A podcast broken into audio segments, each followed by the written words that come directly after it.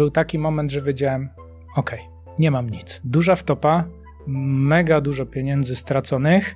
E, no, trzeba to jak najszybciej odrobić. Co kilka miesięcy zmieniałem dzwonek, wiesz, bo po dwóch, trzech miesiącach na, na dźwięk dzwonka telefonu po prostu robiło mi się niedobrze. Przedsiębiorca to jest często określany jako, wiesz, złodziej, oszust, wy, wyzyskiwacz, a ten, kto zbankrutował, no to już jest oszust, oszust na pewno, więc... Trendowaty. Trendowaty, więc jakby, wiesz, rozmawiać y, z tej perspektywy i z tej pozycji jest mega trudno. Jeżeli interesuje Cię biznes, przedsiębiorczość, pieniądze, zasubskrybuj nasz kanał i kliknij dzwoneczek. Partnerami przygód przedsiębiorców są Mercaton Asi, inwestycje z pozytywnym wpływem, IBCCS Tax, spółki zagraniczne, ochrona majątku, podatki międzynarodowe, SoFinanse, eksperci w dziedzinie finansów, Komarch ERP XT, fakturowanie, księgowość, sprzedaż w jednym programie online, RocketJobs.pl, portal pracy przyszłości, gdzie znajdziesz nowych członków Twojego zespołu. Linki do partnerów znajdziecie w opisie filmu. Dzień dobry drodzy widzowie, Adrian Gorzycki, Przygody Przedsiębiorców. Witam Was w kolejnym odcinku naszego programu, gdzie tym razem będziemy rozmawiali o czymś z mojej perspektywy szczególnym, ponieważ jest temat, który jest trudny dla wielu osób. Trudny, niewygodny, często trzymany gdzieś na dnie naszej szuflady wspomnień i doświadczeń, które mamy w swojej głowie. I tym tematem jest bankructwo w biznesie. A osobą, która nam o tym dzisiaj opowie, jest mój kolejny gość, Jakub Janeczek. Dzień dobry. Witaj, cześć. Słuchaj, zadam Ci najbardziej profesjonalne i precyzyjne pytanie, jakie mógłby zadać prowadzący w takim temacie, startując taką rozmowę. Co się stało? Co się stało, jak do tego doszło, tak? Dokładnie. A wiesz, to jakby do tego jest y, kawałek historii, którą trzeba opowiedzieć wstecz. Mogę opowiedzieć bardzo krótko, a później będziemy tam sobie Proszę. wracać do jakichś ciekawszych, e, do jakichś ciekawszych e, elementów. 28 lat to ja już takie powiedzmy działania pseudo-biznesowe, biznesowe robiłem już od ładnych y, paru lat, myślę, że nawet od dziesięciu. E, dziesięciu to może nie, ale już jakby startowałem zaraz po liceum, mając 19 lat i też to były e, nieruchomości, kwatery pracownicze. E, jeszcze wcześniej remontowałem w garażu takie moje motocykle, motorowery, ale to zupełnie zabawa chłopaka w liceum, który to po prostu lubił. Natomiast faktycznie handlowałem, zarabiałem również na nich, ale po liceum, czyli po przeczytaniu książki Roberta Kiyosakiego, jednej, drugiej, trzeciej, tam było kilka tytułów, no zobaczyłem, że są nieruchomości, że w ogóle jest to temat, na którym można zarabiać, e, który daje niesamowite perspektywy, zwłaszcza e, dla mnie, młodego chłopaka, który pochodzi z małej wioski, pod małym miasteczkiem, które dopiero to miasteczko jest pod łodzią, więc... Już myślałem, że powiesz Toruń. No ja żartuję, musiałem. Okej, okay. dobra. A, więc y, po studia, po, po liceum wybrałem się e, na studia do Łodzi e, i tam zobaczyłem znowu jeszcze większy świat e, tych nieruchomości, jakieś tam pierwsze inwestycje deweloperskie. No i wszedłem we flipowanie czyli w remontowanie mieszkań, które kupowaliśmy w kamienicach, bardzo tanio, w bardzo kiepskim stanie. No to był taki absolutnie raczkujący rynek fliperski. E, no i tak flipując, flipując, y, zacząłem jako naprawdę mega młody chłopak, dwudziestokilkuletni, zarabiać całkiem sensowne pieniądze, bo to wyglądało tak jak y, teraz, e, po 15 latach, tylko było po prostu mm, zero konkurencji. My też się uczyliśmy, powiedzmy, od siebie, wśród znajomych, też na własnych błędach, ale. Trochę przycieraliście szlak. Tak, ale to generalnie działało. Były jakieś pojedyncze szkolenia, naprawdę pojedyncze, na które trzeba było w moim przypadku jeździć do Warszawy, gdzieś tam do, do Krakowa. E, no i jakby ja złapałem tego bakcyla, a w związku z tym, że w Łodzi mieliśmy takie małe środowisko i kamieniczników, i właśnie fliperów, to pomyśleliśmy z, ze znajomymi, z, z późniejszymi wspólnikami, że no czemu nie? No przecież zrobiliśmy tych flipów tam wszyscy razem, to już z kilkadziesiąt, to zróbmy teraz kamienicę. No przecież nie jesteśmy gorsi od tych e, naszych e, partnerów biznesowych, biznesowych, czy, czy nawet kolegów nieraz w podobnym wieku, więc po prostu zróbmy e, kamienicę. E, no i to był właśnie pierwszy element, który się przyczynił do bankructwa, bo po prostu najzwyczajniej nie byłem w świecie na to gotowy. Nie byliśmy. Do tego doszła jeszcze lokalizacja nie w Łodzi, tylko poza Łodzią, bo to był Śląsk, to był Chorzów, kompletnie nieznany rynek, źle przeanalizowany. E, oczywiście no nie mieliśmy gotówki na dużą kamienicę, więc do tego doszła e, duża droga dźwignia. No i tak w super dużym skrócie e, to, to, to nam się po prostu wywaliło.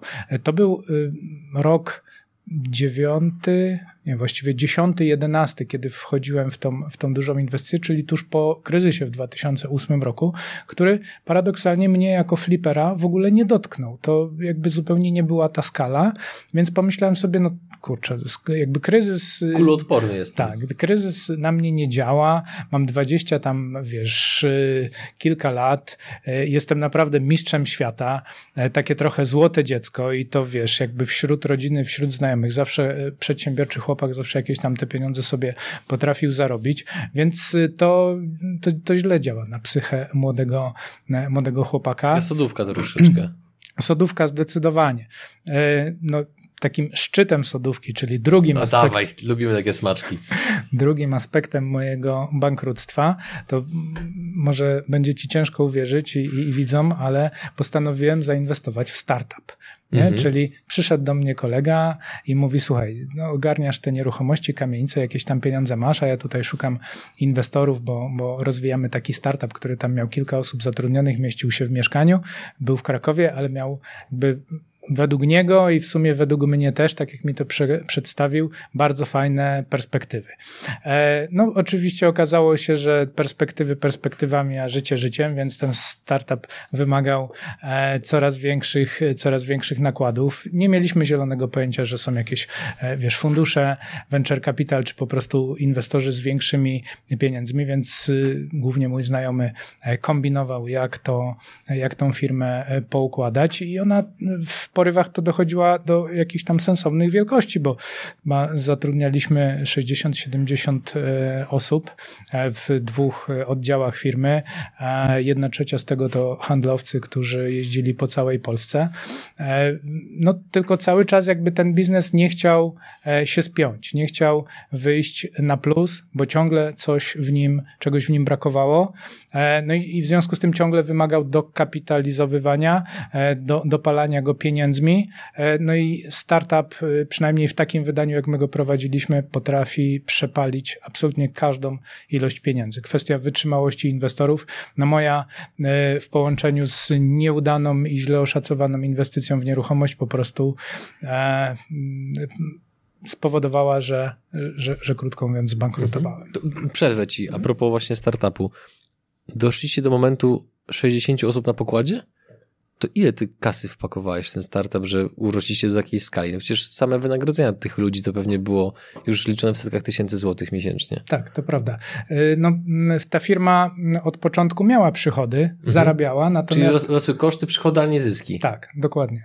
E, więc y, no, jakby moje bankructwo zamknęło się gdzieś tam e, kwotą około 5 milionów, z czego e, no, jeden, około jednego miliona to były moje pieniądze, pozostałe pożyczone pożyczone, pozyskane od inwestorów. Spora część tych pieniędzy e, była tak naprawdę już później po to, żeby ratować. E, to, w co wpadłem, no, wytworzyła się pewna spirala e, zadłużenia. No i ten koniec 2013 roku to już był taki moment, że jakby już nie dało się ratować i nie było czego tak naprawdę. Mhm. Jak wyglądał dzień czy poranek, czy popołudnie, albo wieczór, gdzie tak usiadłeś i dotarło do ciebie, że jesteś pięć baniek w plecy? Jednego takiego dnia konkretnego to nie pamiętam. E, natomiast na pewno był to przełom e, tego 13 i 14 roku. Tylko tak, nie, tak jak mówię, nie wiem, czy to były święta, czy to był Sylwester. Na pewno początek 14 roku to był taki moment, że wiedziałem, ok, nie mam nic.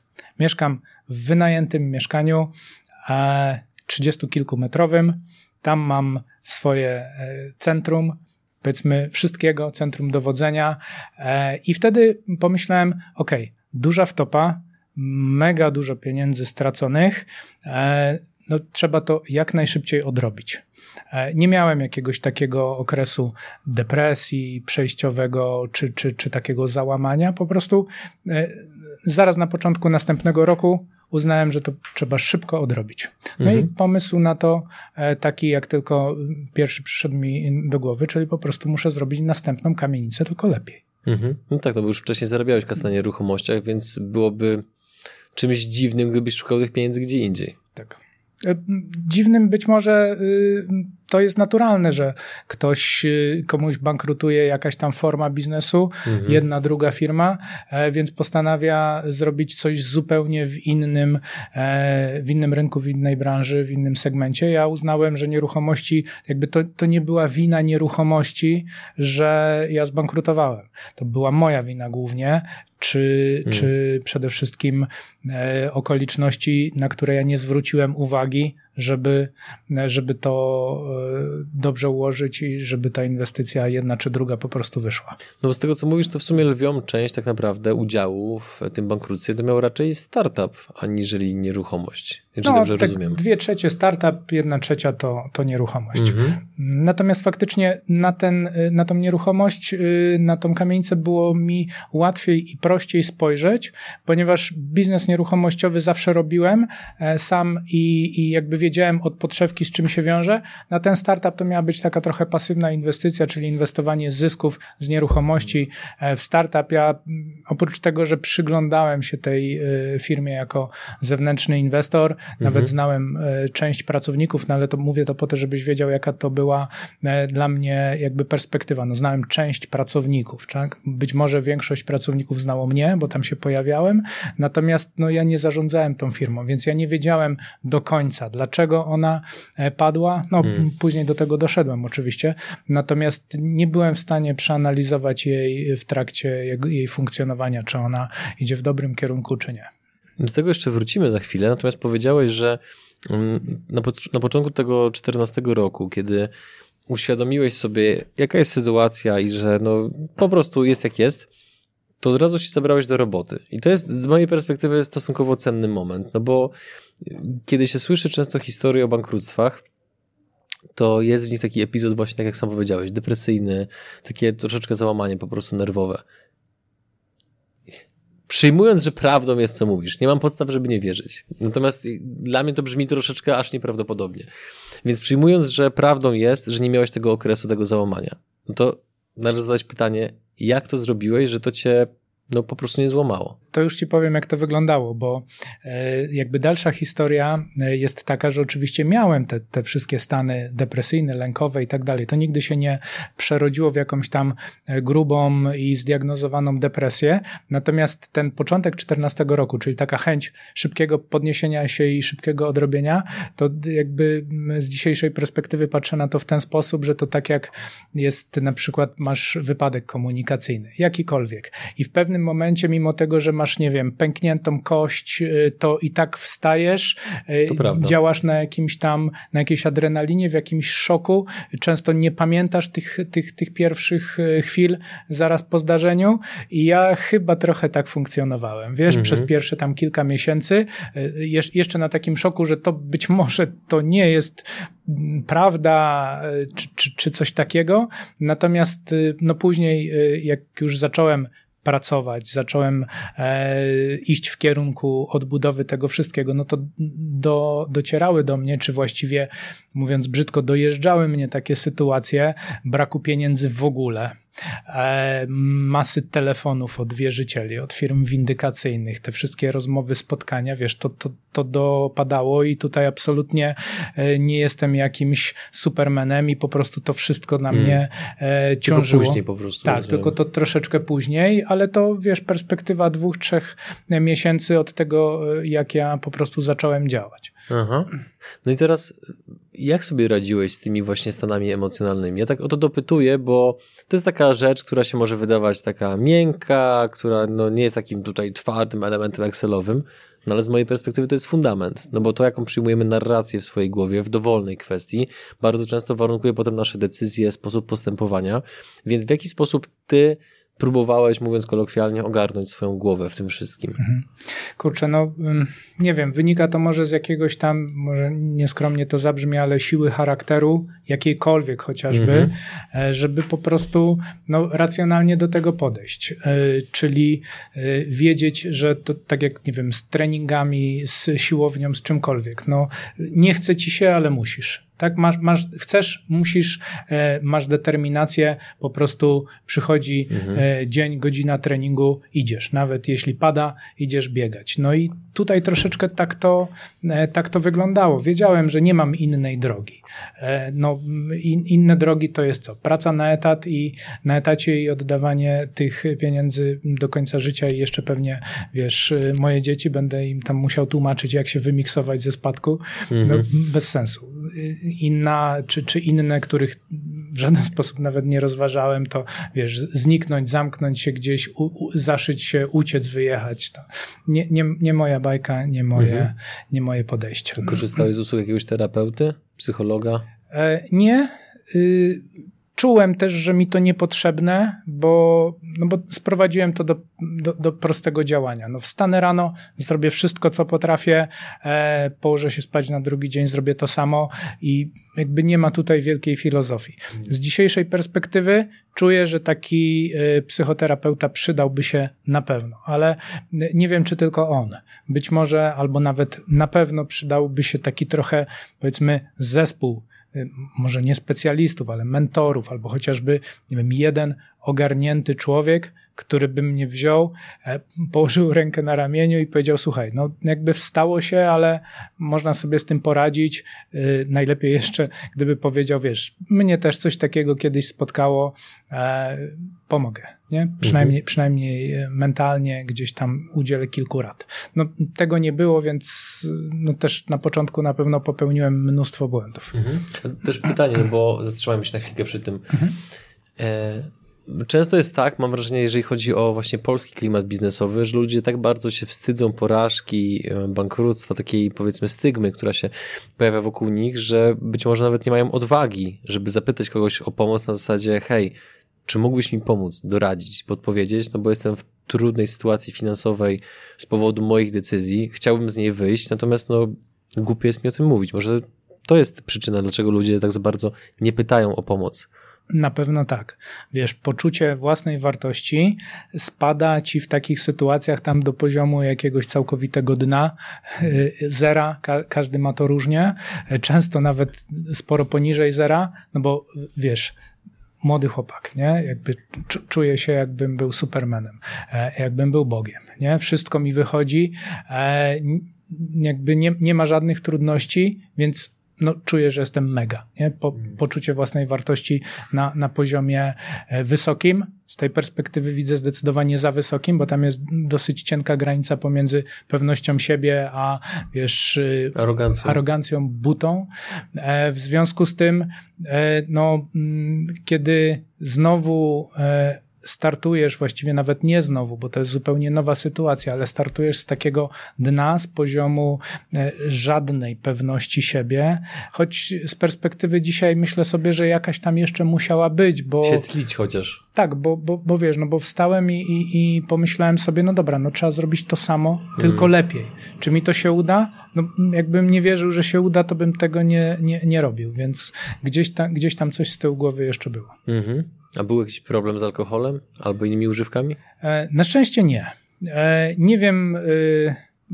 Czy, czy to jest zawsze, y, czy, czy to występuje zawsze, natomiast no, to jest troszeczkę tak jak z tą depresją.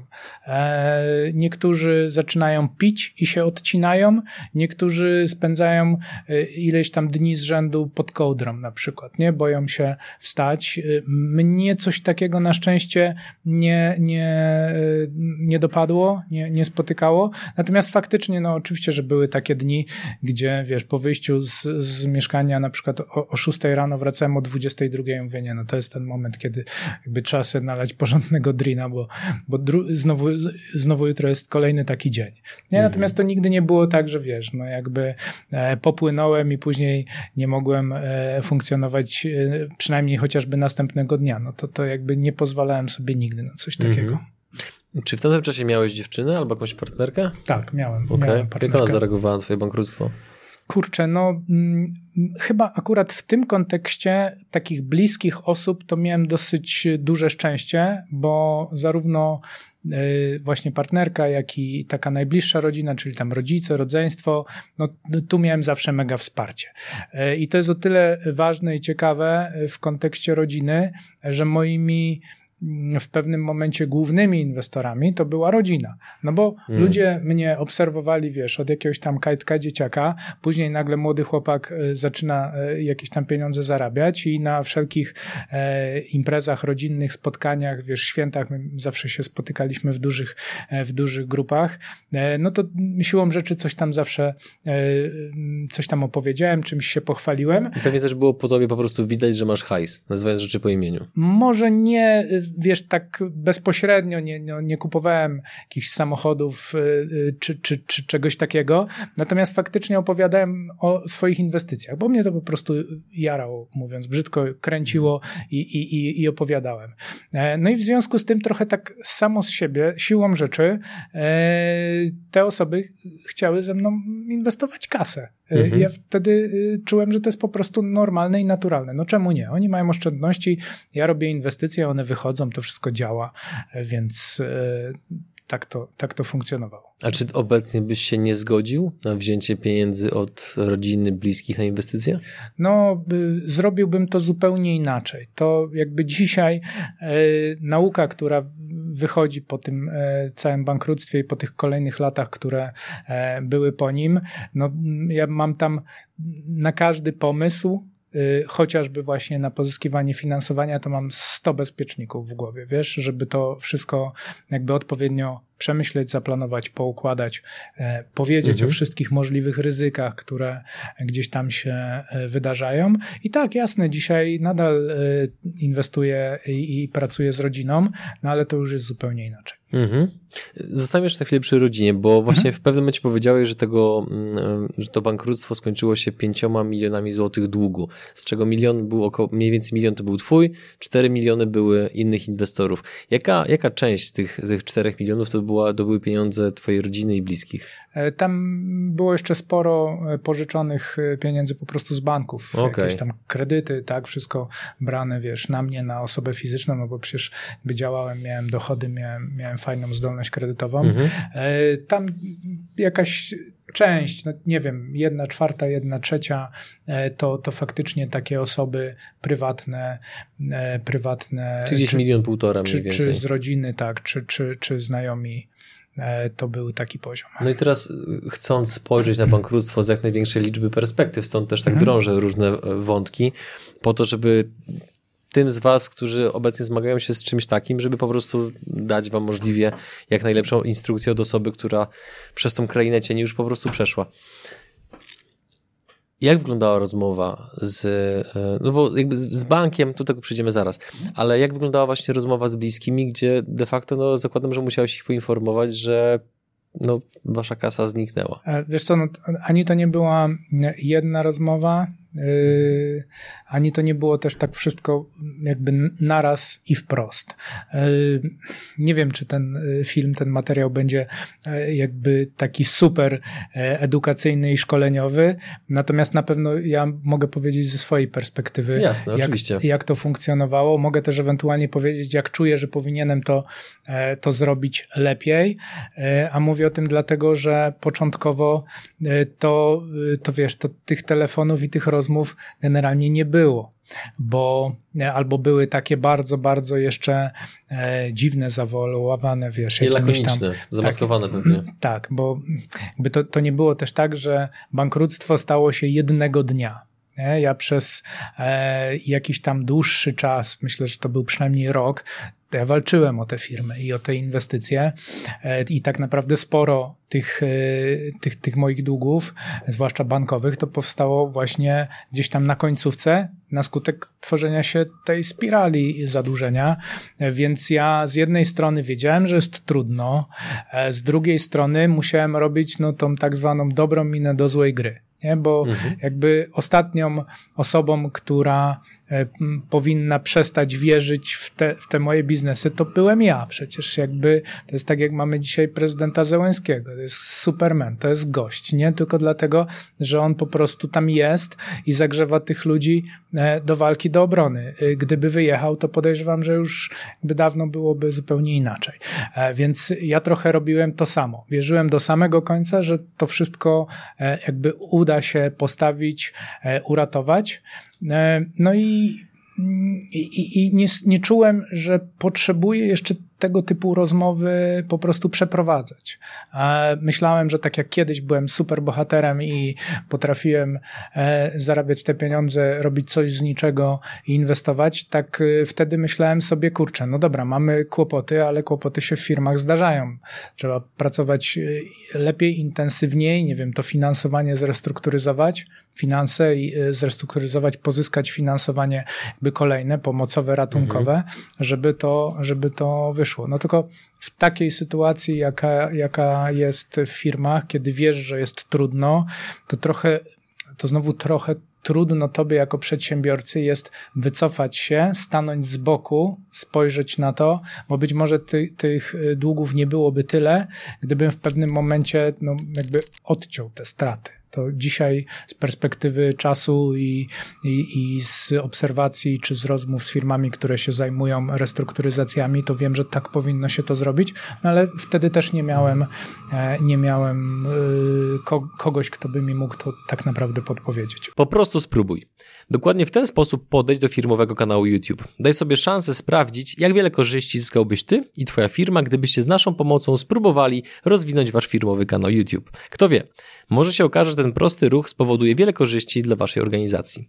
Wejdź na Przygody TV i sprawdź, jak inni klienci oceniają pracę z nami i jej efekty. Teraz wyprzedziłeś jeden z wątków, który chciałem poruszyć, więc zatrzymajmy się przy nim na chwilę i go trochę bardziej rozbudujmy mając 28 lat, będąc w tak trudnej sytuacji finansowej, gdzie, y, tak jak sam powiedziałeś, nie było mentora, byłeś w tym osamotniony, są różnego rodzaju emocje, stany depresyjne, brak wcześniejszych doświadczeń, jak w ogóle się przechodzi przez taką sytuację. Natomiast teraz jesteś już troszeczkę bardziej dojrzałym mężczyzną, masz trochę więcej, więcej lat na karku i znacznie więcej doświadczeń. Więc gdybyś miał teraz taką, wiesz, łamiącą czasoprzestrzeń linię telefoniczną i rozmawiasz z tym Kubą, który właśnie jest w tym oku cyklonu, w samym środku, to jakie dajesz mu podpowiedzi, jakie dajesz mu instrukcje, co ma zrobić albo czego ma nie zrobić, gdybyś miał ocenić właśnie swoje ruchy z perspektywy lat. Poświęćmy temu naprawdę solidny kawałek materiału, bo uważam, że to szczególnie może pomóc wielu ludziom. Wydaje mi się, że mm, z taką osobą, która jest w różnych trudnościach i problemach, w ogóle ciężko jest taką rozmowę zacząć. Nie? Jakby ona przede wszystkim musi chcieć, musi chcieć się otworzyć, powiedzieć, przyznać się do, do w ogóle do, do, do tego, że jest w takiej sytuacji, e, przyznać się do swoich błędów. Ja nie pamiętam e, momentu, w którym byłem na to gotowy i być może on nie nastąpił wtedy, przy tym bankructwie, ani przy tym szybkim, takim automatycznym podniesieniu się. Natomiast zdecydowanie próbowałbym w jakiś sposób nawiązać tą komunikację, ten dialog. E, przy czym e, interesując się już po tym wszystkim troszeczkę właśnie psychologią, psychoterapią, to wiem, że to jest najtrudniejsze. Rozpocząć rozmowę, bo czasem to rozpoczęcie rozmowy polega na tym, że z takim e, pacjentem, ale w takim pozytywnym oczywiście znaczeniu, bo po prostu musisz trochę posiedzieć, nie? żeby on najzwyczajniej w świecie ci zaufał i mógł się do ciebie otworzyć. Mhm. Więc y, tutaj najpierw na to bym poświęcił trochę czasu. Czyli cierpliwość ze strony powiedzmy bliskich, partnera, partnerki, że to jest na tyle trudny temat, że trzeba czasami trochę popukać do tych drzwi, żeby ta osoba, która jest w tych trudnościach, żeby w ogóle faktycznie chciała je otworzyć. Tak. Y, no ja też miałem dużo takiej w sobie pewności czy przekonania, że to, co robię, jest właściwe i podobnie i tak samo jakby to, to miałem i, i, wydawało mi się, że, że to jest dobra cecha e, działając w biznesie wcześniej, no ale nie mogłem się wyzbyć tej cechy również e, po bankructwie, więc sądziłem, że moje plany naprawcze i, i, i moja wizja wyjścia z tego też jest dobra. E, mm. i, I właściwie to ze swojej strony, ze strony mojej rodziny i być może to tak też zadziałało że mm, jakby ja im zacząłem opowiadać, jaki mam na to pomysł, tak, że szukam kolejnej kamienicy, tym razem to będzie w Krakowie, bo tam lepszy rynek i tak dalej. I znowu oni nie bardzo mieli wiedzę, świadomość i kompetencje, żeby nawet sprawdzić, czy to jest, czy, czy to, co wymyśliłem, to jest dobre, czy niedobre. Więc jakby oni byli trochę słuchaczami, ja im mówiłem to, co, to, to, co uważałem, że, że jest ok. E, I, I znowu miałem taką bardziej potrzebę opowiadania o tym, na przykład jaki ma, malutki tam sukcesik e, e, mi się udało zrobić w tym moim bankructwie, czyli na przykład właśnie, że znalazłem następną kamienicę i, i za chwilkę będziemy tam próbować robić następną inwestycję. No, nie miałem takiej natury takiego, wiesz, na, narzekania, użalania się nad sobą. Też chciałem tej mojej rodzinie oszczędzić słuchania Takiego biadolenia. Takiego biadolenia, takich historii, no bo to, to że, to, że y, mam kłopoty, no to jakby wiedzieli, bo te telefony dzwoniły później już wszędzie.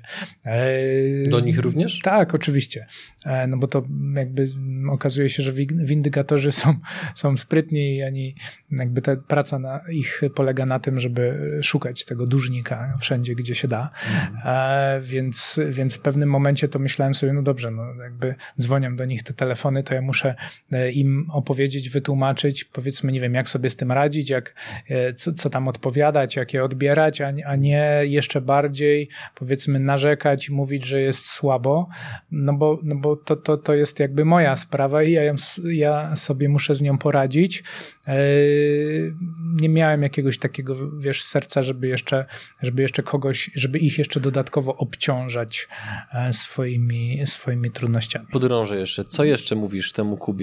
Czego absolutnie nie powinien zrobić w tej sytuacji. No nie, jakby już przeskakując ten, ten etap, że już zaczynamy rozmawiać, e, no to wtedy, y, to wtedy jakby to też jest śmieszne, ale to, to odkrywam od niedawna dopiero. Powiedziałbym mu, słuchaj, e, nie wiem, obojętnie, y, pakuj plecak, jedziemy w góry.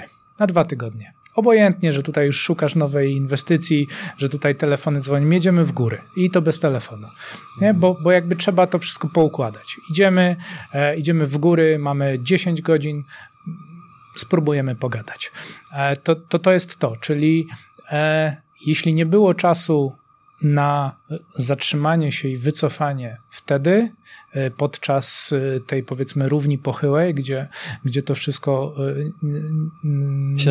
nie, nieuchronnie też zmierzało już do katastrofy, to przynajmniej wtedy, kiedy ta katastrofa się wydarzyła, kiedy, kiedy kurz jeszcze może nie opadł, po prostu właśnie używając może tej metafory, nie dać czas na, na temu kurzowi żeby, mhm. żeby opadł e, i, i żeby pojechać, przemyśleć, no jakby mi się wydarzyła taka historia, że przyjechałby do mnie, y, nie wiem, mentor, chłopak, chociażby o te 10 lat starszy, czyli ty, ty, taki właśnie, który tutaj dzisiaj siedzi, no to już byłoby to dużo, nie? A jeszcze gdyby był to ktoś, kto ma, nie wiem, poukładany biznes, może przeszedł mniejsze, większe zawirowania i z takim luzem by podszedł, że słuchaj, no jakby stało się, nie? Rozumiem, Część że... Gry.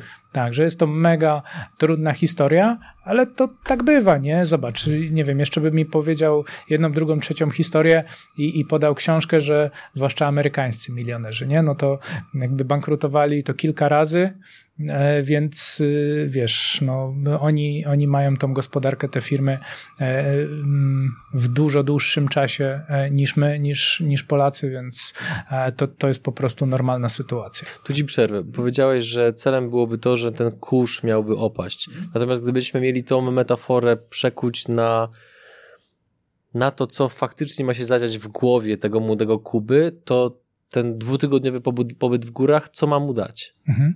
E, no na pewno poukładanie sobie tej całej sytuacji, bo ja nie wiem dzisiaj z perspektywy, czy e, to stanięcie na nogach bardzo szybko i, i pójście w kolej, szukanie kolejnej inwestycji to, było, to był na pewno najlepszy krok. E, innego nie zrobiłem, inną ścieżką nie poszedłem, więc, więc nie wiem.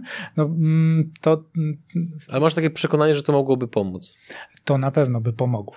Pewnie jeszcze przed tym wyjazdem siadłbym nawet y, przy stole z takim mentorem i po prostu obdzwonił tych wszystkich wierzycieli.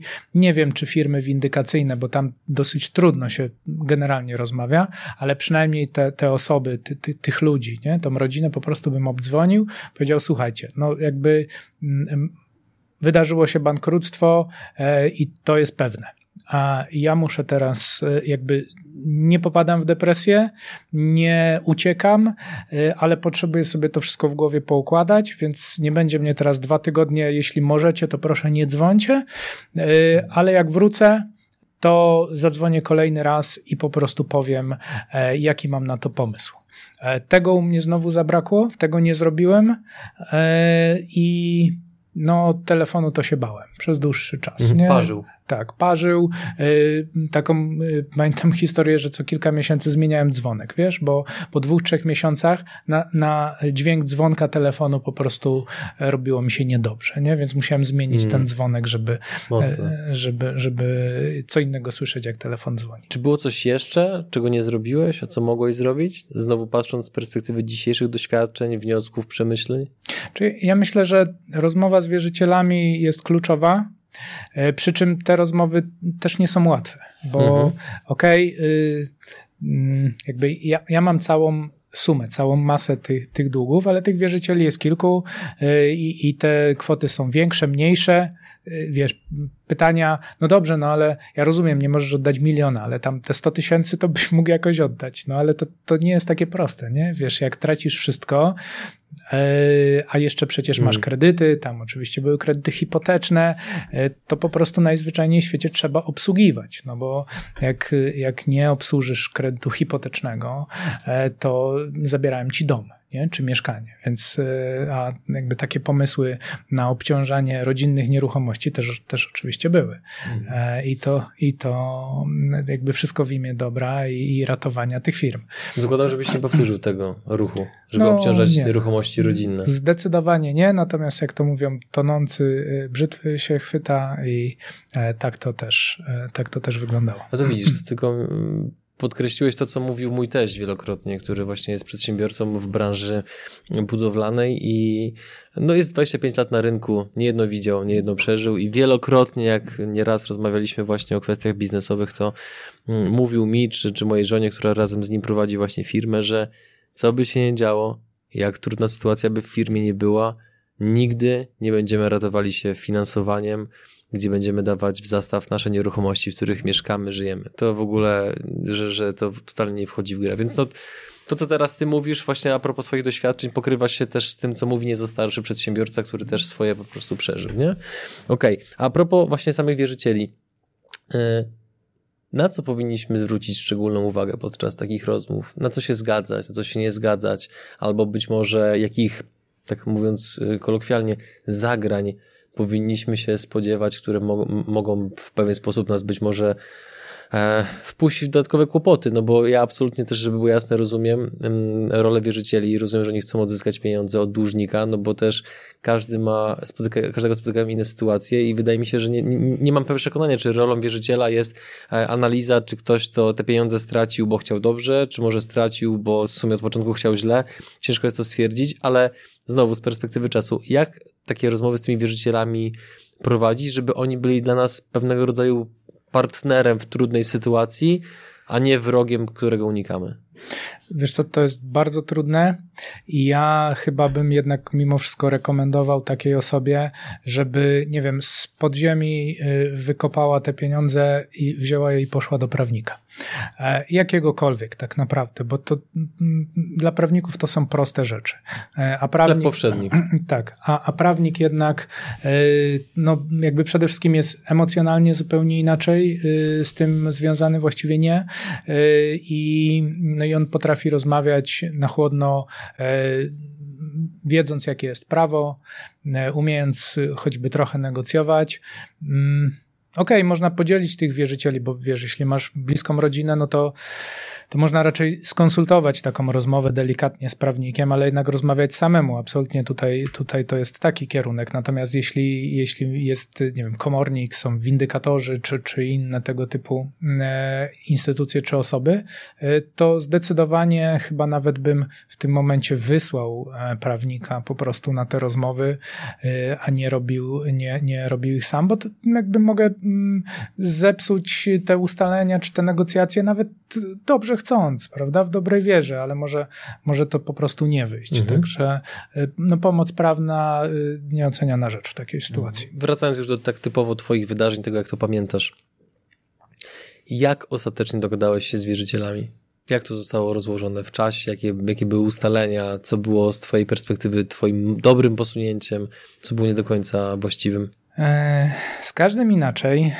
E, z jednymi udało się to po prostu jakby w formie rozmowy, relacji. Z innymi to się musiało, wiesz, tam otrzeć czy skończyć w sądzie. E, to wiadomo, takim cywilnym, natomiast no, z każdym inaczej. To, mhm. to wszystko zależy od tej drugiej strony.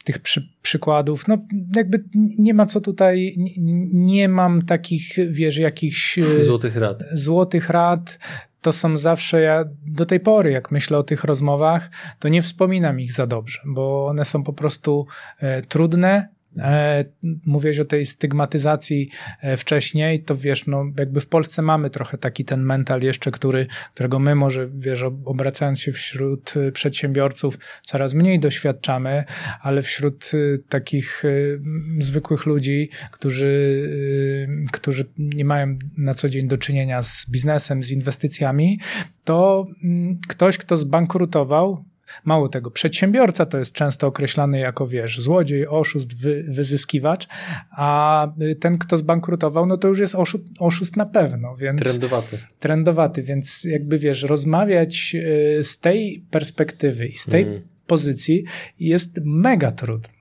Powoli zbliżając się do końca naszej rozmowy, chciałbym, żebyśmy jeszcze zahaczyli o wątek tego, co się dzieje aktualnie u ciebie. No bo o ile dobrze rozumiem, patrząc na brief, prowadzisz biznes, dalej działasz w nieruchomościach, jakby no, czyli otrzepałeś się z tego kurzu, który się pojawił po tej całej sytuacji, więc gdzie teraz jesteś? Co robisz? Co nasi widzowie mogą od ciebie kupić? Co mogą z tobą zrobić? To jest ten moment, żeby o tym powiedzieć. To, mm, to już tak zupełnie bardzo skracając jeszcze to, co się tam po tym bankructwie działo, yy, uznałem, że skoro yy, jakby przeanalizowałem wszystkie problemy związane z tą yy, inwestycją w kamienicę, tą moją pierwszą w Chorzowie, uznałem, że teraz po prostu idę na najlepszy rynek, jaki mogę sobie tylko wyobrazić, czyli Kraków, a znałem troszeczkę to miasto właśnie ze względu na tą, na tą firmę, ten startup, który był w Krakowie i tam postanowiłem znaleźć kamienicę e, inwestorów, wspólników. No i jakby ta inwestycja wyszła. Udała się, e, też miała tam swoje trudności, których,